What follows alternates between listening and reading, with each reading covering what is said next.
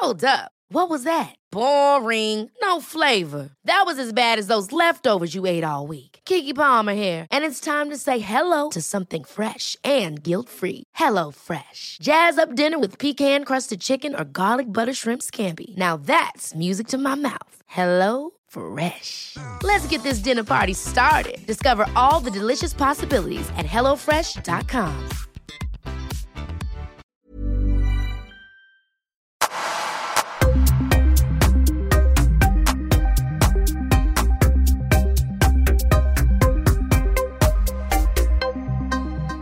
Nilsson, välkommen till Öppet sinne.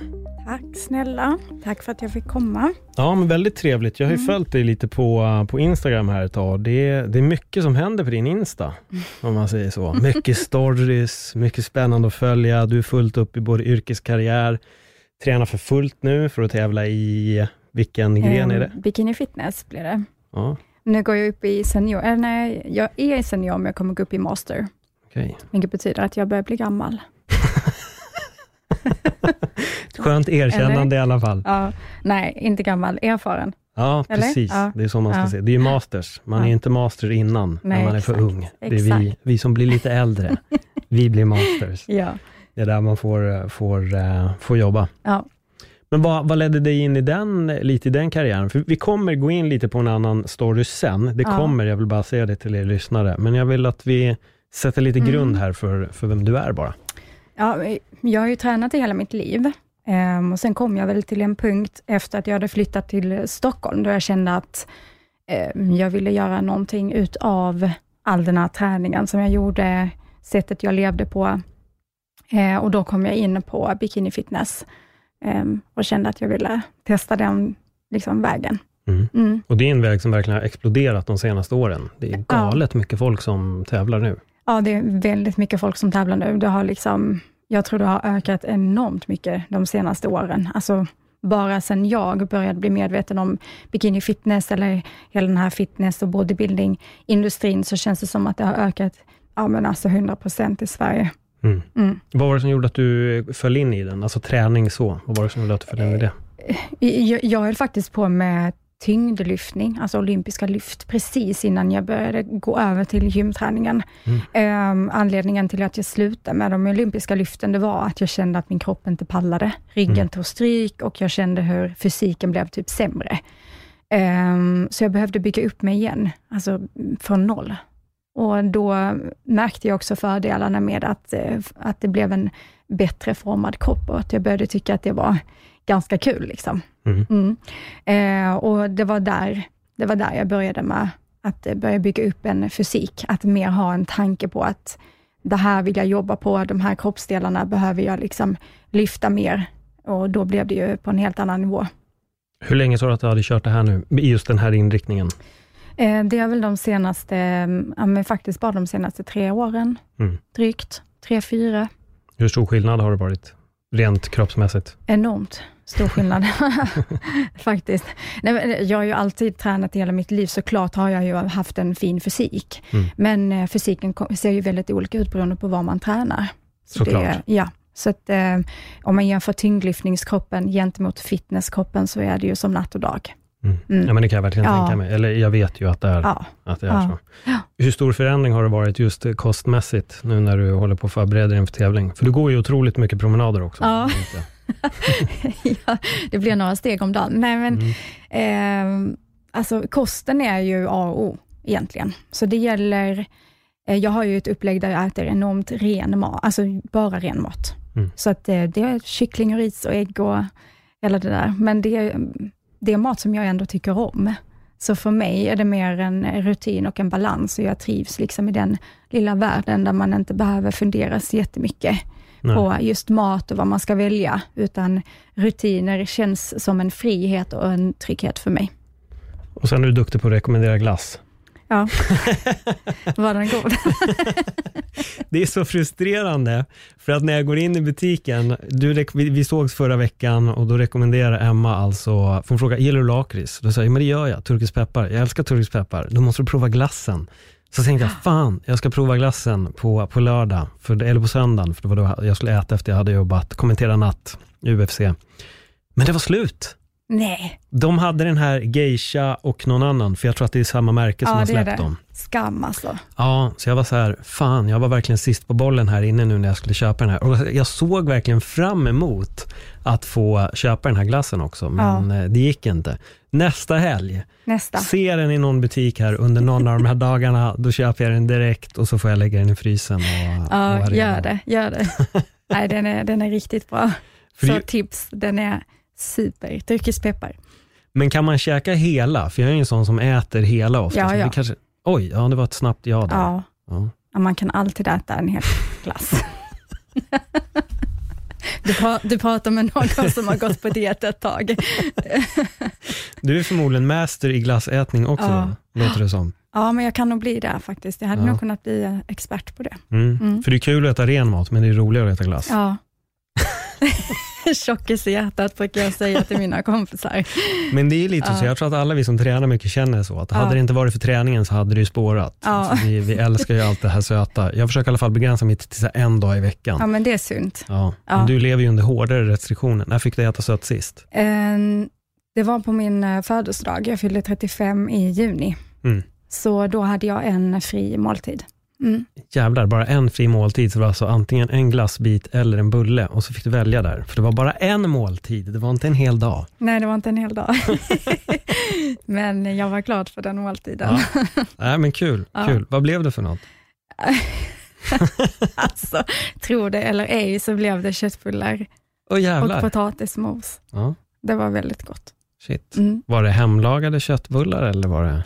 Ehm, det var det, men vi käkade på restaurang. Så att, eh, Mm. men det var gott, det var gräddsås och hela grejen. Liksom. Ja, nice. Mm. Ja, jag ser det. Skiner upp lite som en sol här Eller när vi börjar hur? prata om mat Ja. och glass. Då- Ögonen tindrar lite extra nu. Exakt. Men hur länge kommer du ligga under de här restriktionerna nu inför tävling? När är själva Du tänker tävlingen? med fria måltider och sådär. Ja, men hur, hur långt, eh, Hur långt är det till hur tävlingen? länge sträcker det sig? Tävlingen eh, kommer förhoppningsvis bli av eh, första helgen i december.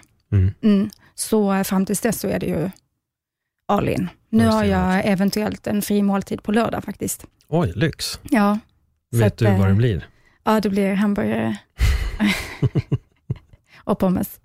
Nice. Sötpotatis eller vanliga? Båda. Båda? Ja, Ja, hälften hälften. ja jag kan inte välja. Nej. Nej. Skönt, det här blev alltså matsnack med Paul? Elvaj och Emma Nilsson. Ja, men det Härligt. blir så. Men eh, jag tänkte så här, anledningen till, för att när vi- jag går in lite på det här med tävling, Mm. för eh, du, hade, du lägger upp väldigt mycket stories, vilket är otroligt trevligt, och så hade du lagt upp en liten frågegrej där. Och då var en av frågorna, var kommer din vinnarskalle ifrån? Och där hade du ett svar som helt plötsligt gjorde att jag skrev till dig och sa, hej, jag har följt alla dina stories här nu, vill du komma till min podd och eh, podda med mig? Men vad, Ja. vad var egentligen svaret som du la där? Alltså frågan var ju ehm, hur, hur jag hade fått min vinnarskalle, eller hur Mm. jag hade blivit så stark. Mm. Ehm, och då gick jag um, ut med att säga att ehm, det är på grund av min bakgrund Mm. med, ehm, med misshandel och mobbing och sådär, eh, som har gjort att jag behövde bli stark. Mm. För att eh, man föds inte stark, utan det är någonting som, i alla fall som jag har varit tvungen att eh, behöva bli, för att kunna ta mig igenom det jag har varit med om. Mm. Mm. Var det här första gången som du delar med dig av något sånt här på dina sociala medier, eller har du gjort det tidigare? Eh, Jag har faktiskt eh, gjort ehm, ett litet mer öppet inlägg förut på Mm. mina sociala medier Ehm, och gick ut med det, det var väl drygt ett år sedan kanske, eh, om att jag har levt i ett eh, eh, förhållande med verbal misshandel ehm, och varit med om mobbing ehm, under hela min uppväxt ehm, i alla klasser som jag har gått i i stort sett och utfrysning på de flesta av mina arbetsplatser, även som vuxen. Eh, och sen också eh, att jag har blivit eh, eh, sexuellt eh, utnyttjad som yngre. Och Det är jättemycket att packa upp här Ja, nu, det är mycket. Ja. så jag känner att om vi börjar med var är du ifrån och var var din uppväxt och Mm. skolgången? Mm. Eh, så jag kommer ju från Skåne, eh, som hörs kanske. eh, men, så det var där det var där allting började egentligen. Mm. Eh, under skolgången och sådär. Jag tror att det började typ när jag gick i sjätte klass. Um, att jag började få, um, vad ska man säga, haters. Nej men, uh, jag var alltid väldigt duktig i skolan och jag var, jag var alltid väldigt söt.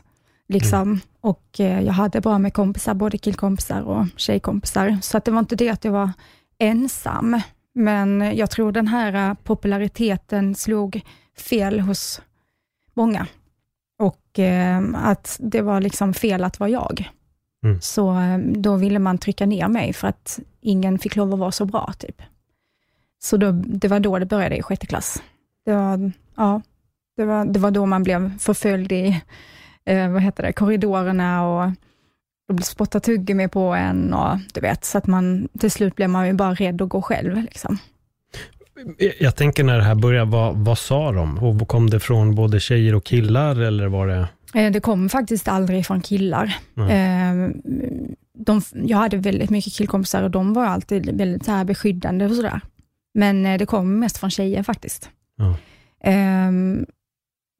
De kallade mig hora, fitta, att jag var äcklig, att jag liksom hade legat med alla killar liksom som som gick i vår klass och du vet, det var sådana grejer. Eh, och när man går i sjätte, sjunde klass så är det ganska, alltså jag hade ju inte haft sex någon gång då ens. Mm. Så det var ju ganska eh, obekvämt att få sånt kastat i ansiktet på en.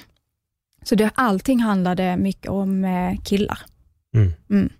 Liksom, och sex och eh, liksom, att man var äcklig och ja. Och det är en skör ålder. Ja den åldern är ju väldigt, väldigt skör. Det är mycket som händer, man börjar växa väldigt mycket, man börjar förstå saker på ett annat sätt ja. och verkligen det folk säger på en fastnar ju mm. väldigt, väldigt hårt. Sen var det ju det att de samlades i grupper, så det var ju inte det att det var bara en själv som hade någon mm. åsikt, utan eh, det var ju liksom att de var så här en, mellan fem och tio tjejer liksom, som samlades i klungor och du vet, förföljde en och bara så här kasta glåpord efter en när man gick och sådär. Alltså att ja, nästan jaga en typ. Mm. Var det ingen som uppmärksammade det här i skolan? Alltså, det, det blir ju de här vanliga snacken med lärare och föräldrar, mm. typ.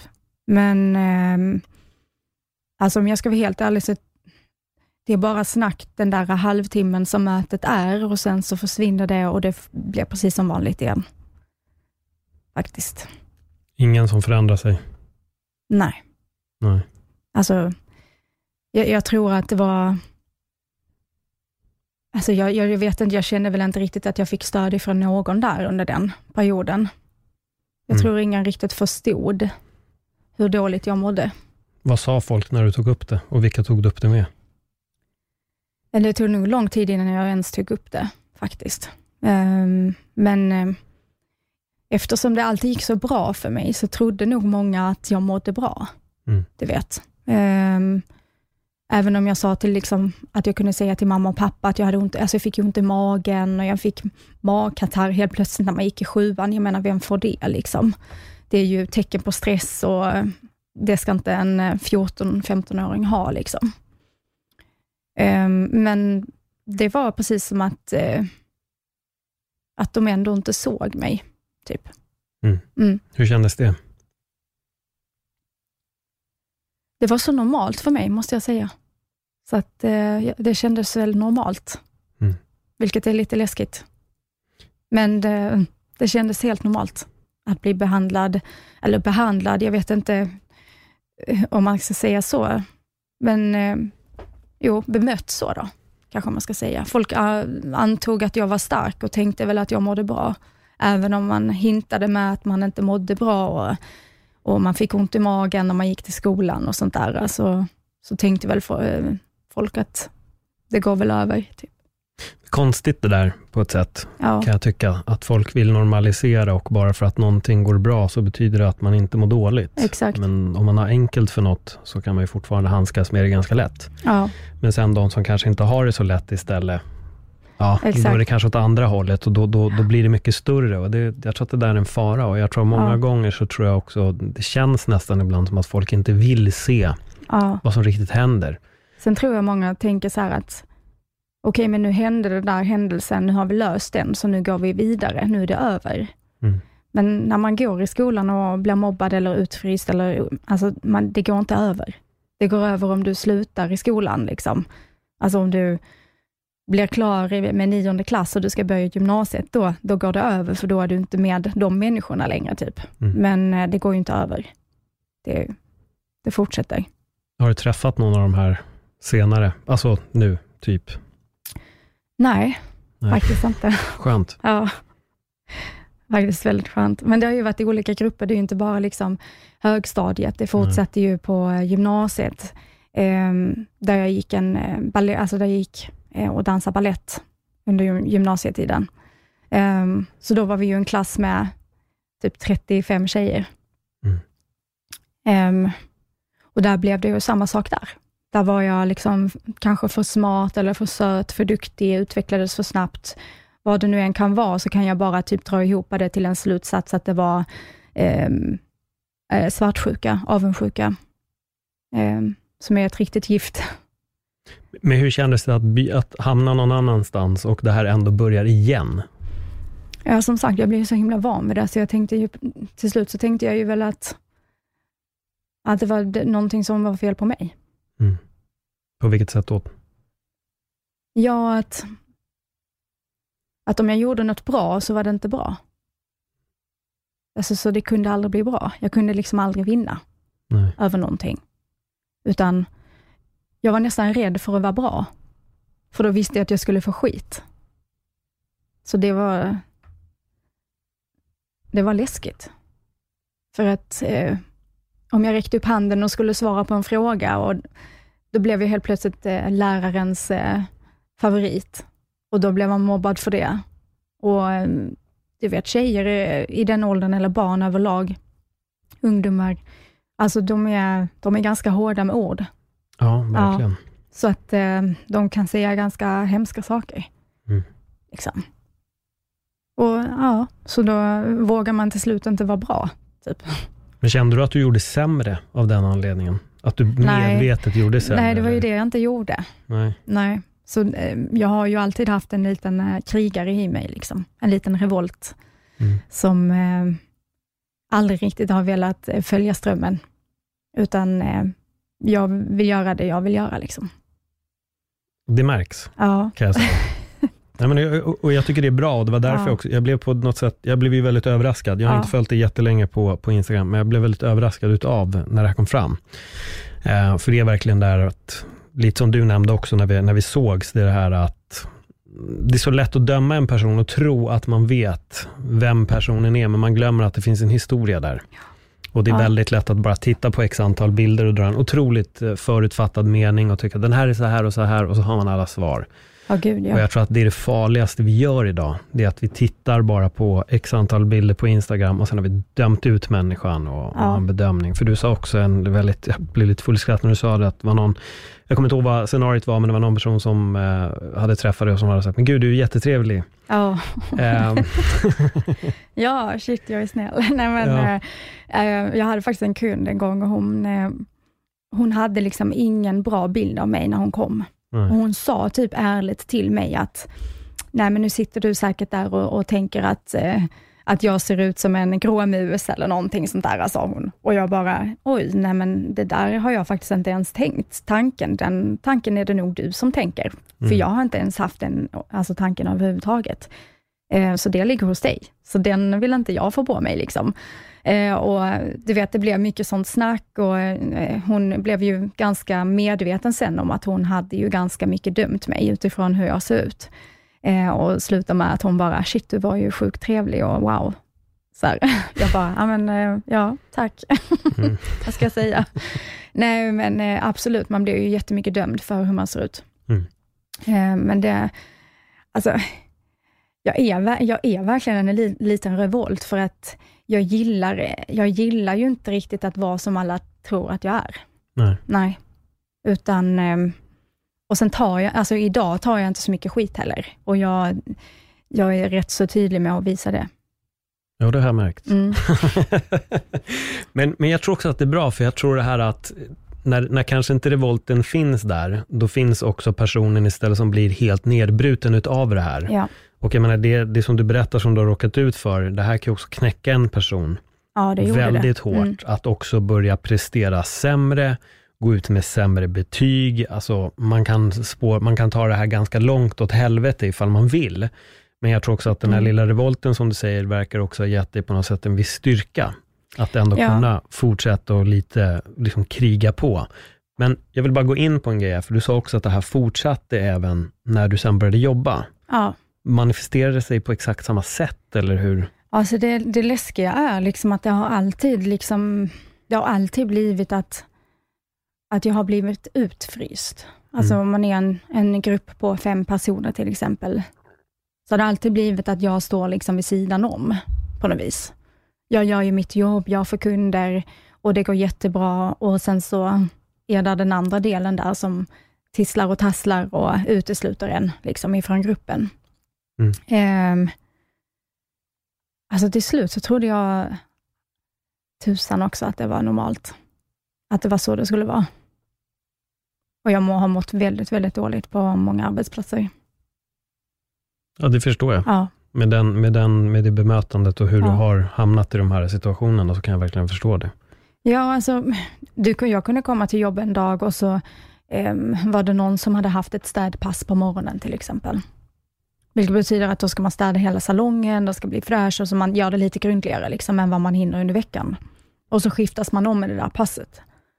Eh, och allas platser hade blivit städade utan min, utom min då. Mm. Alltså det är, det är ganska sjukt egentligen. Ja, det är jättesjukt. Bara så här, nej men vi, jag städar alla, alla platser, utom Emmas plats. Mm. Nej, hon förtjänar inte det, typ. Sådana grejer gör att man faktiskt mår mycket sämre än vad man... Alltså, det låter kanske inte så stort, Ja, fast det är ju det. men det är skitstort. Det är stort. Och man mår så dåligt. Alltså Mm. du vet, du, du får ont i magen innan du går till jobbet, precis som i skolan, när jag var liten. Du går hem och du vill bara typ gråta när du kommer hem. Eh, och du, du tänker liksom att, eh, vad, fan har jag gjort för att förtjäna detta? Mm. För att jag har aldrig tyckt att jag var en ond person. Liksom. Nej. Ehm, och, och Sen så kom det alltid, för jag gör ju alltid mitt bästa. Men det har ju det som har varit lite boven i dramat, tror jag. Att jag vill alltid göra mitt bästa. Och då sticker det i folks ögon, liksom att jag blir bra på det jag vill bli bra på. Jag tänker lite när du ändå är inne på det här med att, att göra sitt, sitt eh, bästa. Mm. Hur tror du att folk har tolkat dig i det, när du, när du har haft den känslan? Tror du att det är det som folk har irriterat sig på, eller alltså? Ja, till, till viss del så kan det nog ha varit det faktiskt. Mm. Alltså det, det är ganska tufft att sitta och rannsaka sig själv Mm. eh, och tänka om man själv har haft någon skuld i, i det här eh, små draman som man har haft. Men eh, det kan ju ha uppfattats som att man är någon typ av besserwisser eller eh, know it all. Mm. Men det har ju inte varit det som har varit min tanke. Nej. Och hade man haft en eh, öppen kommunikation och velat lära känna mig innan man dömde, så hade man ju förstått att jag bara vill liksom eh, lyckas i livet. Och jag vill inte lyckas med, med hjälp av att trampa ner andra. Alltså jag lyfter gärna folk, liksom. Mm. Men, ehm, och har aldrig varit, varit uteslutande. Men ehm, jag tror att går man in med en fördom om en människa, alltså som de gjorde om mig, att jag skulle vara på ett visst sätt, och jag då ändå försöker prestera, så blir det som att då fylls deras fördomar på ännu mera. Liksom. Så att det blev ju som en ond cirkel. Ja, det finns ju en risk för det, Ja, ja. att det blir så. Och då fick man ännu mer skit liksom, för det. Du var inne även på, på relationer lite här tidigare också. Ja. Ja. Liksom, var det här något som hamnade snett i dina relationer också, eller hur?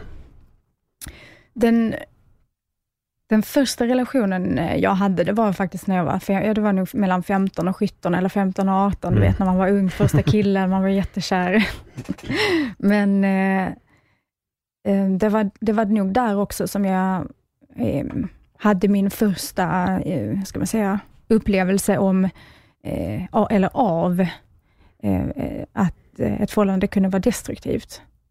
Eh, I form av att den här killen då som var lite äldre, han drack väldigt mycket alkohol och han blev väldigt förändrad som människa när han hade alkohol i kroppen. Och han blev väldigt så här, eh, vad ska man säga, hårdhänt. Mm. Så att det var ju vänner som fick liksom komma in och, alltså, liksom, och ta honom ifrån mig, för att han kunde så här, hålla tag i mina handleder jättehårt, så man fick typ nästan lite blåmärken och kompisarna bara, alltså, shit han är jätteaggressiv. Så de tog ju bort mig och det var nog där jag insåg liksom att, ehm, eller där jag fick en bild av att eh, killar kunde vara lite läskiga. Minst sagt. Mm. Mm. Så, eh, och sen fick jag ju mitt andra förhållande som var åtta och ett halvt år. Ehm, och det var, det var det förhållandet som nog har märkt mig mest. På vilket sätt då? Eh, ja, det började med att jag tyckte att han var världens finaste människa. Mm. Och han hade bara bra kvaliteter och jag var så kär i honom. Och jag trodde inte det skulle finnas någon som jag skulle kunna älska så mycket som jag älskar honom. Ehm, When you're ready to pop the question, the last thing you want to do is second guess the ring. At Bluenile.com, you can design a one of a kind ring with the ease and convenience of shopping online. Choose your diamond and setting. When you find the one, you'll get it delivered right to your door. Go to Bluenile.com and use promo code LISTEN to get $50 off your purchase of $500 or more. That's code LISTEN at Bluenile.com for $50 off your purchase. Bluenile.com code LISTEN. Quality sleep is essential. That's why the Sleep Number Smart Bed is designed for your ever evolving sleep needs. Need a bed that's firmer or softer on either side? Helps you sleep at a comfortable temperature? Sleep Number Smart Beds let you individualize your comfort so you sleep better together. JD Power ranks Sleep Number number 1 in customer satisfaction with mattresses purchased in-store. And now, save 50% on the Sleep Number limited edition Smart Bed for a limited time. For JD Power 2023 award information, visit jdpower.com/awards. Only at a Sleep Number store or sleepnumber.com. Efter något år så um, började jag märka att han blev lite förändrad. Um, han började bli han började bli väldigt eh, taskig verbalt. Alltså han, han kunde börja prata med mig precis som att jag var någon som han föraktade. Och säga liksom, eh, och liksom Ja, jag kommer, jag, jag kommer ihåg att jag, han sa någon gång, vi skulle på någon fest och då kunde han säga till mig, men alltså ska du på den festen, då, ehm, vet du, då, då tänker inte jag gå, för jag tänker inte bli sedd med dig liksom, offentligt. Och eh, ska du dit, ja, du kan inte ha den där kjolen på dig, till, alltså för du ser ut som en hora. Eller, ja, det var, det var massa sådana grejer som man kunde säga till mig. Det där är bara lite. Liksom. Hur normaliserade du det här? För det känns någonstans, ni var tillsammans väldigt länge, Ja. så någonstans normaliserar man de här negativa sidorna till ändå att, ja, det kanske typ är så här ändå. Ja, alltså det var ju det som var så svårt för att jag vet inte, jag hade inte så bra självkänsla där under den tiden. Mm. Ehm, så jag bytte ju kläder. Och, och tänkte ju att, nej men okej, jag kanske inte kan ha det här då. Alltså, han kanske har rätt. Och än en gång, eh, att jag är fel, det är något fel på mig. Bekräftas det du redan har hört i skolkorridoren? Ja, all, alltså, eh, jag har alltid fått höra att jag är fel. Mm. Det fastnar. Ja, Det gör ju det. Vad som jag pratade lite om det med Don Miguel Ruiz och fyra grundstenarna där, att de här orden som vi får Ja. höra hela tiden och det är svårt att tvätta bort dem och Ja. de kan bära med oss i hela sitt liv. Nu ser jag Ja. att du blir lite ledsen, känns det okej? ja, ja, det känns okej, absolut. Ja. det är mycket som kommer fram. Liksom. Men jag känner idag att jag har verkligen eh, tagit ett steg framåt och kommit över mycket, men när man går Mm. igenom det så här är det klart att shit, Mm. wow, jag levde verkligen med, med en människa som riktigt tog sönder mig inifrån. Mm. Nästan varje dag. Jag har ju tagit upp det här ämnet några gånger tidigare i min podd, så Mm. jag tror att de som har lyssnat på podden tidigare känner igen Mm. de här diskussionerna och det här är ju något som verkligen pågår i allra högsta grad hela tiden, Ja, det, i princip. Ja, det är, så, det är så många som har det så här. Ja, och det är därför jag är lite nyfiken på hur du normaliserade det, för att det är det jag tror att de flesta som inte drar därifrån gör. Man hittar den här, ja men som du säger, det är fel på mig och det är, Ja, jag, jag, jag trodde nog att det var jag som var fel, mm, att det var inte han. Jag, Nej. blev, jag blev ju ledsen när han gjorde sådana där saker. Och det blev ju bråk och det blev destruktivt. Och jag, jag försökte stå upp för mig själv, men ändå så var det ju tanken efter ett sånt liksom gräl, det var ju ändå alltid att, nej men jag måste ändra på mig nu. Nu måste jag liksom, jag måste ändra min klädstil eller jag måste ändra mitt sätt att vara på. Jag kanske får skaffa nya vänner, för han vill inte att jag ska vara med våra gemensamma längre. Och, ja. Så att, eh, sen fick jag ju reda på att det var ju eh, massa anledningar till att han inte ville att jag skulle vara där. Han hade ju eh, också en typ andra relation med en annan tjej som brukade vara på de där festerna. oj då. Ja, så att han var ju otrogen också. Mm. Men, men det är ju... Jag normaliserade precis som att jag tänkte att nej, men det, det är fel på mig. Hur lång tid tog det innan du kunde bryta loss från den känslan? För ni var ju tillsammans väldigt länge. Var det ingen som såg det här? Det är väl egentligen den första frågan. Var det ingen som reagerade? Alltså det, jag hade mina tjejkompisar som jag pratade med mycket, men jag vet inte om de såg det på det sättet som, som det verkligen var. Mm. Jag, jag tror alltid att det har varit lätt att, att blunda lite när sånt händer. Därför att det, det är lättare att bara tänka, nej, nej, men hon mår nog bra. Mm. Jag vet inte. Det kändes bara ännu en gång där, som att man inte... Jag fick inte riktigt någon hjälp. Det, jag ansågs nog vara en sån som skulle klara mig själv. Mm. Att jag var stark, inom situationstecken. Du kanske har en stark yta. Ja. Det tolkar folk för att du har styrkan inombords också, Mm. kanske. Mm. Vad var det som gjorde att du till slut lyckades vända på det? Ehm, ja, just det förhållandet, det var det mycket träningen faktiskt. Jag började träna crossfit då ett tag och eh, var runt en massa fina människor som eh, vi utvecklade en enorm eh, mental styrka som krävdes för att träna den där sporten. Och då insåg jag att shit, man kan göra rätt så mycket om man vill. Liksom. Mm. Så träningen har ju varit eh, ja, livsviktig för mig. Så det var, det var där jag insåg att det finns bra människor också. Så att, eh, och att de tyckte att jag var bra, helt plötsligt. Att, och ville jag bli bättre så var det någon som hejade på mig, istället för att trycka ner mig och prata bakom ryggen eller jaga mig på offentliga platser eller vad det nu kunde vara. Så att eh, det var träningen som faktiskt just ifrån det förhållandet som fick mig därifrån lite. Jag insåg att jag, jag, jag ville klara mig ur det där. Och jag, jag skulle vara så pass stark för mig själv för att göra det.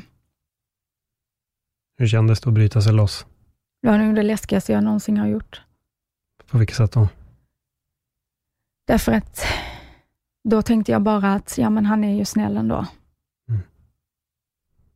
Jo, men jag älskar ju honom. Det var det som hade fått mig att vara kvar i åtta och ett halvt år.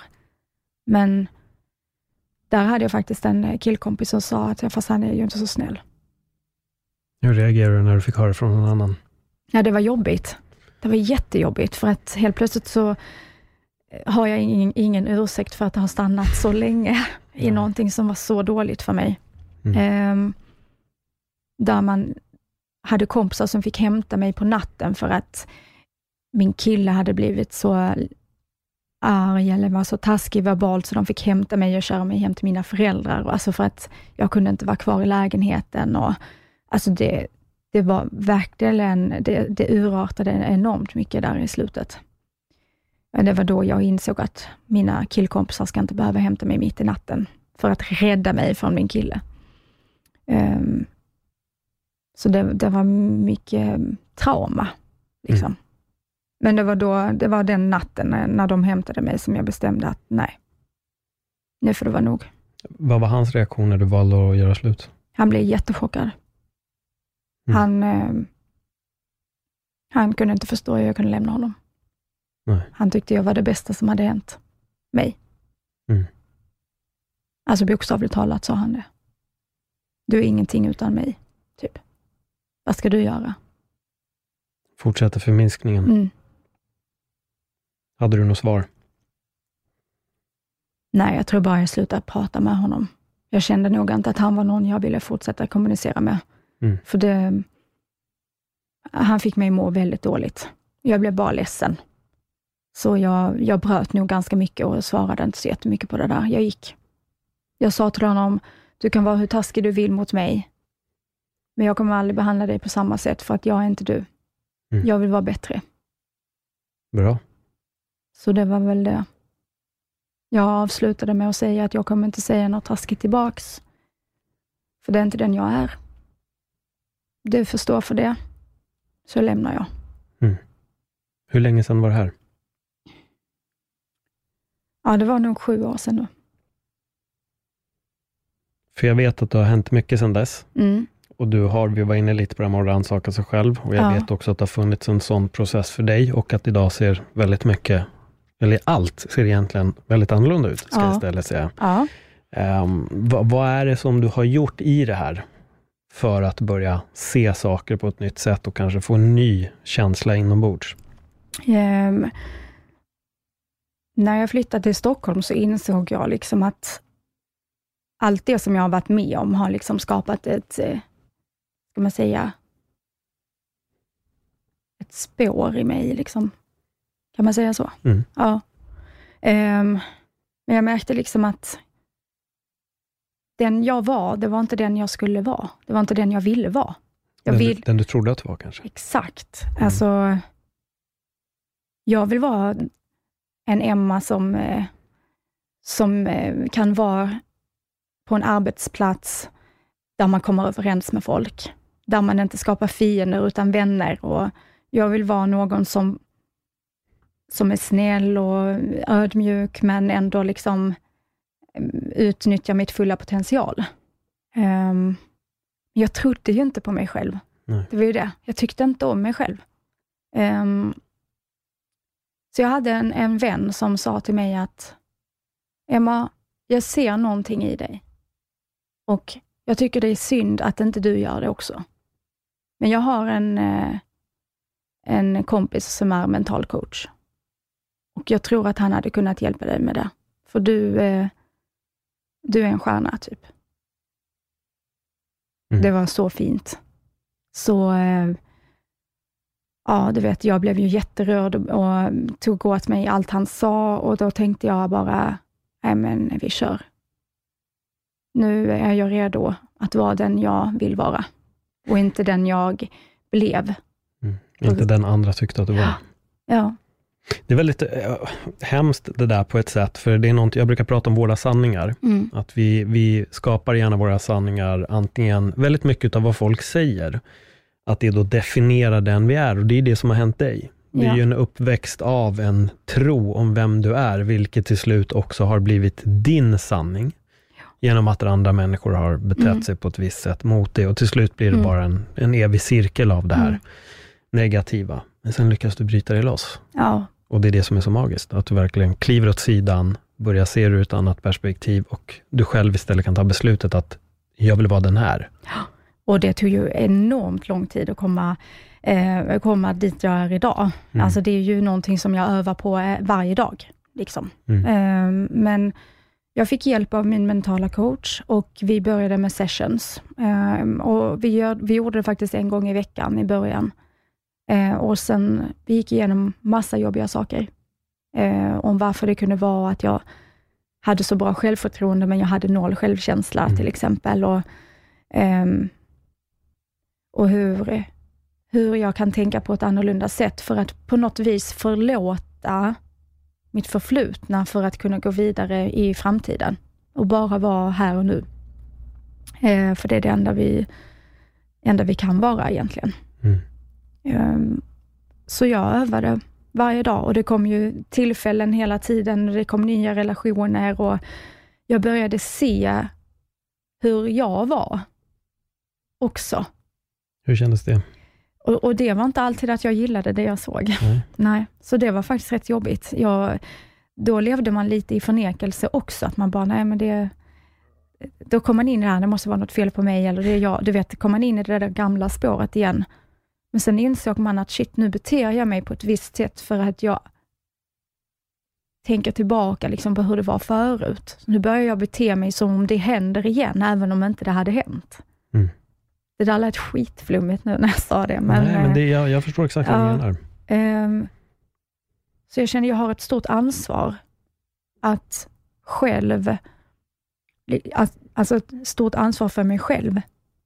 Mm. Jag kan inte förlita mig på att andra människor ska få mig att må bra, eller att andra människor ska göra rätt ifrån sig, eller Alltså det enda jag kan påverka, det är hur jag är och hur jag agerar mot det som händer mig. Och vad blev folks reaktion på dig när du började tänka på ett nytt sätt? Ja, det blev helt annorlunda. Alltså det blev verkligen som natt och dag. Jag trodde nästan jag hade kommit in i en annan typ av verklighet, från eh, den ena dagen till den andra. Typ. Att helt plötsligt fick jag någon respekt av folk. Ehm, jag blev typ någon man såg upp till. Jag, jag fick rätt människor runt mig. Och ehm, jag blev, eh, den bilden jag hade om mig själv helt plötsligt var den bilden som jag tänkt, alltså som jag liksom fick intrycket av att andra också hade. Så min självbild stämde överens med den känslan jag fick utifrån liksom intryck och så av andra människor. Det var, det var rätt häftigt att se. För att du började tro på din egen sanning, ja. att det är inget fel på dig. Ja. Mm. Så när jag började respektera mig själv, då fick jag också respekt ifrån andra. Det är otroligt hur det funkar. Ja, det, alltså det låter klyschigt när jag säger det och jag hör ju själv, men eh, alltså det finns inget bättre sätt att säga det på. Det mm. var verkligen så det var. Och eh, när man tror på någonting man gör, och man gör det med en good intentions, mm. man säger, inte någon eh, ful baktanke, då blir det något fint och det ser folk. Mm. Så då, då kan det inte bli fel. Jag tror att det är det genuina. Ja. Vi behöver vara genuina och vi behöver framförallt tro på oss själva på alla plan. Ja. Går vi in med den här sanningen att det är någon form av fel på oss, ja. då kommer vi också förmedla ut det. Det är som när jag gick ut ur skolan så hade jag hört väldigt mycket att jag, du kan ingenting, du kan ingenting, du kan ingenting. Och jag vet att när jag jobbade på Globen en gång så hade vi ställt ut lite prylar, jag hade ställt ut fel och då säger en arbetskollega till mig, verkligen inte med någon form av så här, sätt att trycka ner mig, utan bara, fan det är fel, du kan ingenting. Och, och det fanns egentligen ingen betoning i ordet. Men för mig blev det den här bekräftelsen också att, ja, fan, jag kan ju ingenting. Det är klart mm. att jag inte ens kunde ställa ut de här stolarna i princip.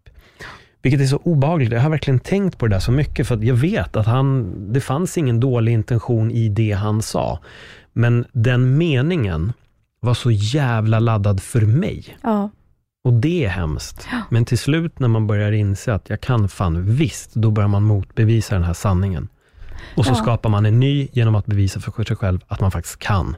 Och i Ja. ditt fall har du bevisat för dig själv att det är inget fel på dig. Nej. Det Men jag- verkligen inte det. Men det blev ju också en typ av självrannsakan som kunde Mm. vara lite jobbig, för man insåg ju Såklart. också att man, ehm, att man faktiskt har gjort lite fel också. Mm. Att man har varit lite destruktiv mot andra och man kanske också har ibland dömt ut att de ska vara likadana för, på grund av ens eh, liksom, historia. Mm. Ehm, så det har jag verkligen försökt att ändra på. Hur känns det när du tittar på dig själv? För jag har gjort också en självrannsakan och det finns grejer där bak där jag kan känna att, åh fy fan alltså. Men, men vi, jag- vi är inte perfekta, men det Nej. betyder inte att det är något fel på oss. det, det, jag agerade ju och var på ett sätt som jag hade nästan behövt att vara på, eller lärt mig att jag, att jag var fel. Så i grund och botten så har jag ju inte, jag har ju inte varit en elak person, men eh, jag har ju varit, jag har ju inte heller varit jag. Nej. Nej. Så eh, enkelt sagt så, det var lite jobbigt, men jag, jag tar på mig ansvar ifrån att alla destruktiva relationer som jag har haft med andra människor, vare sig det är kanske mobbing på arbetsplats eller eh, en stökig relation med en kille så, eller vänskap, så eh, är det ju aldrig bara en person som är eh, liksom boven och eh, jag erkände för mig själv de bristerna som jag faktiskt bidrog till. Och det, det var lite jobbigt, för att man vill ju inte vara den som har betett sig sådär egentligen. Nej. Men det, jag har betett mig illa. Jag har varit osäker. Jag har säkert varit jobbig och dryg på grund av den osäkerheten i mig själv. Och, eh, men det är någonting jag i alla fall eh, uppmärksammar, att jag har en tendens att glida dit och att jag, jag försöker jobba på det.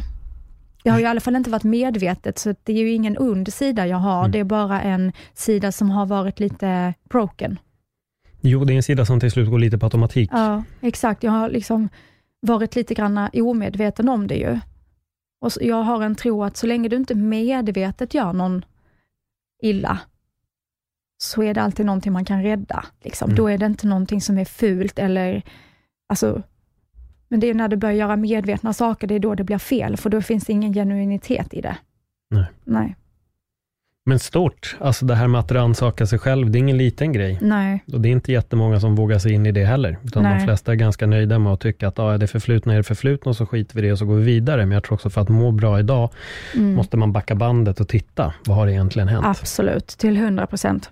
Jag tror att utan, utan den självrannsakan så finns det nog inte mycket utvecklingspotential heller. Jag tror man måste göra det. Hur ser framtiden ut? I den här processen syftar jag på nu. Jag fortsätter jobba med det mentala varje dag. Ehm, jag har ju tendenser att hamna kanske i en osäkerhet eh, när det kommer till eh, relationer med män, eh, killar liksom. Eh, jag kommer nog alltid att vara lite osäker där och eh, börja känna mig lite förminskad igen. Liksom. Men eh, jag jobbar på det varje dag, så att mitt mål är ju att jag ska kunna ha en hälsosam relation någon gång. Mm. Ehm, och eh, det tror jag att jag kommer ha, för att eh, jag känner mig väldigt balanserad som människa just nu. Det kommer. Mm, det kommer. Det gäller att hitta en också som ser Ja, vem exakt. du är. ja, nej men, eh, jag vill bara fortsätta utvecklas, så att man, eh, man är det man vill vara och tar tillvara på liksom nuet. Man Mm. lever mer här och nu. Det är det jag jobbar på. Vad, vad tror du att det är som är så svårt för folk att våga vara sig själva? Det är därför att folk bryr sig för mycket om vad andra tänker. Mm. Det, jag tror att bilden av vad andra tycker och tänker, eller alltså, vad ska man säga, inte bilden, men att det är så viktigt för folk, att de glömmer att det ju viktigaste är ju att du tycker att det du gör är bra. Ja. Inte att din granne tycker det, eller att din bästa kompis tycker det, eller vännen, eller vad, alltså killen, utan det är ju att du tycker det.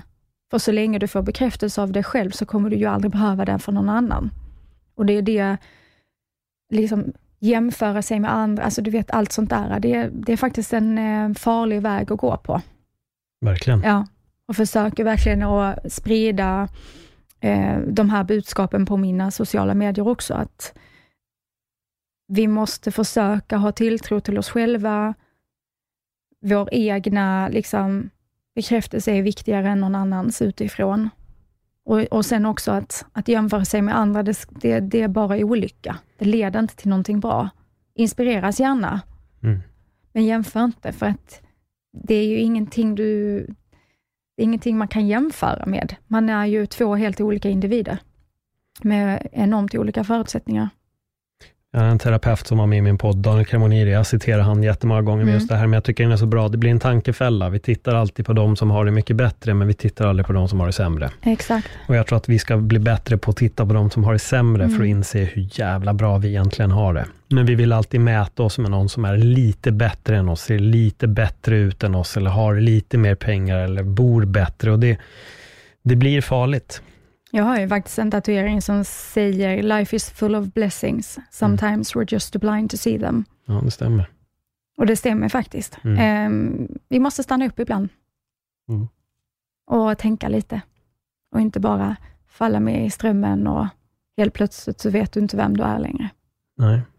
Så stanna upp och tänk och eh, fundera på vad som är viktigt för dig, så hittar du det igen, tror jag.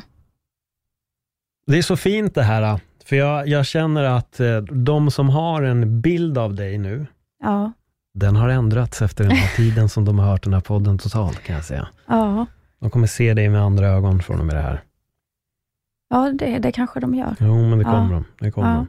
Du är en grym människa, Emma. Det är Tack, jättekul detsamma. att ha med dig här och lyssna på din historia. Jag blev själv väldigt rörd när du tog upp vissa grejer, så kände jag själv att det flög ganska hårt in i hjärtat också när jag hörde dig berätta.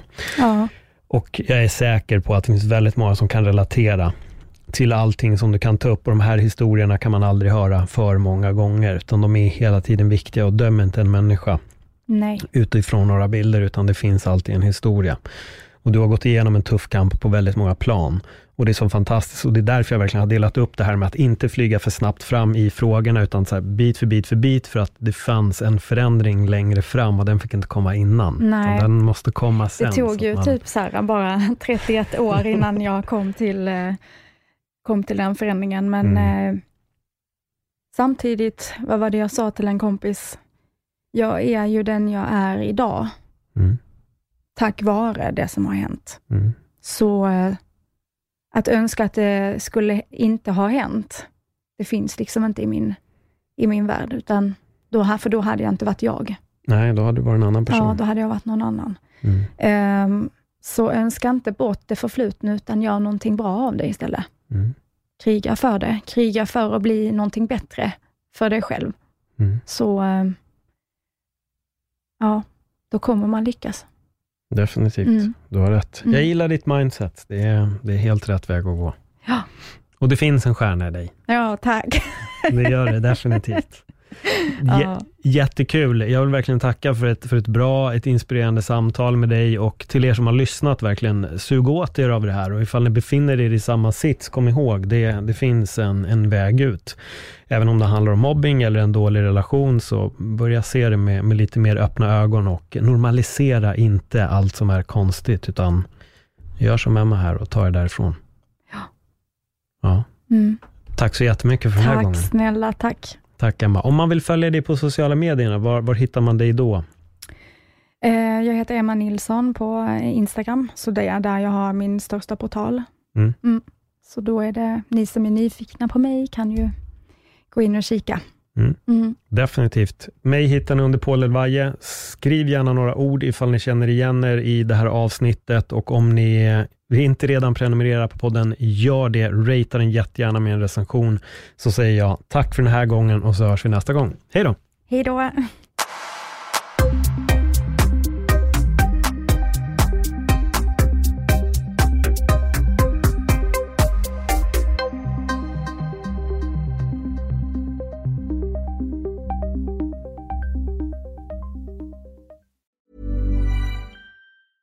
Planning for your next trip? Elevate your travel style with Quince. Quince has all the jet setting essentials you'll want for your next getaway, like European linen, premium luggage options, buttery soft Italian leather bags, and so much more. And is all priced at 50 to 80% less than similar brands. Plus, Quince only works with factories that use safe and ethical manufacturing practices. Pack your bags with high-quality essentials you'll be wearing for vacations to come with Quince. Go to quince.com slash pack for free shipping and 365-day returns.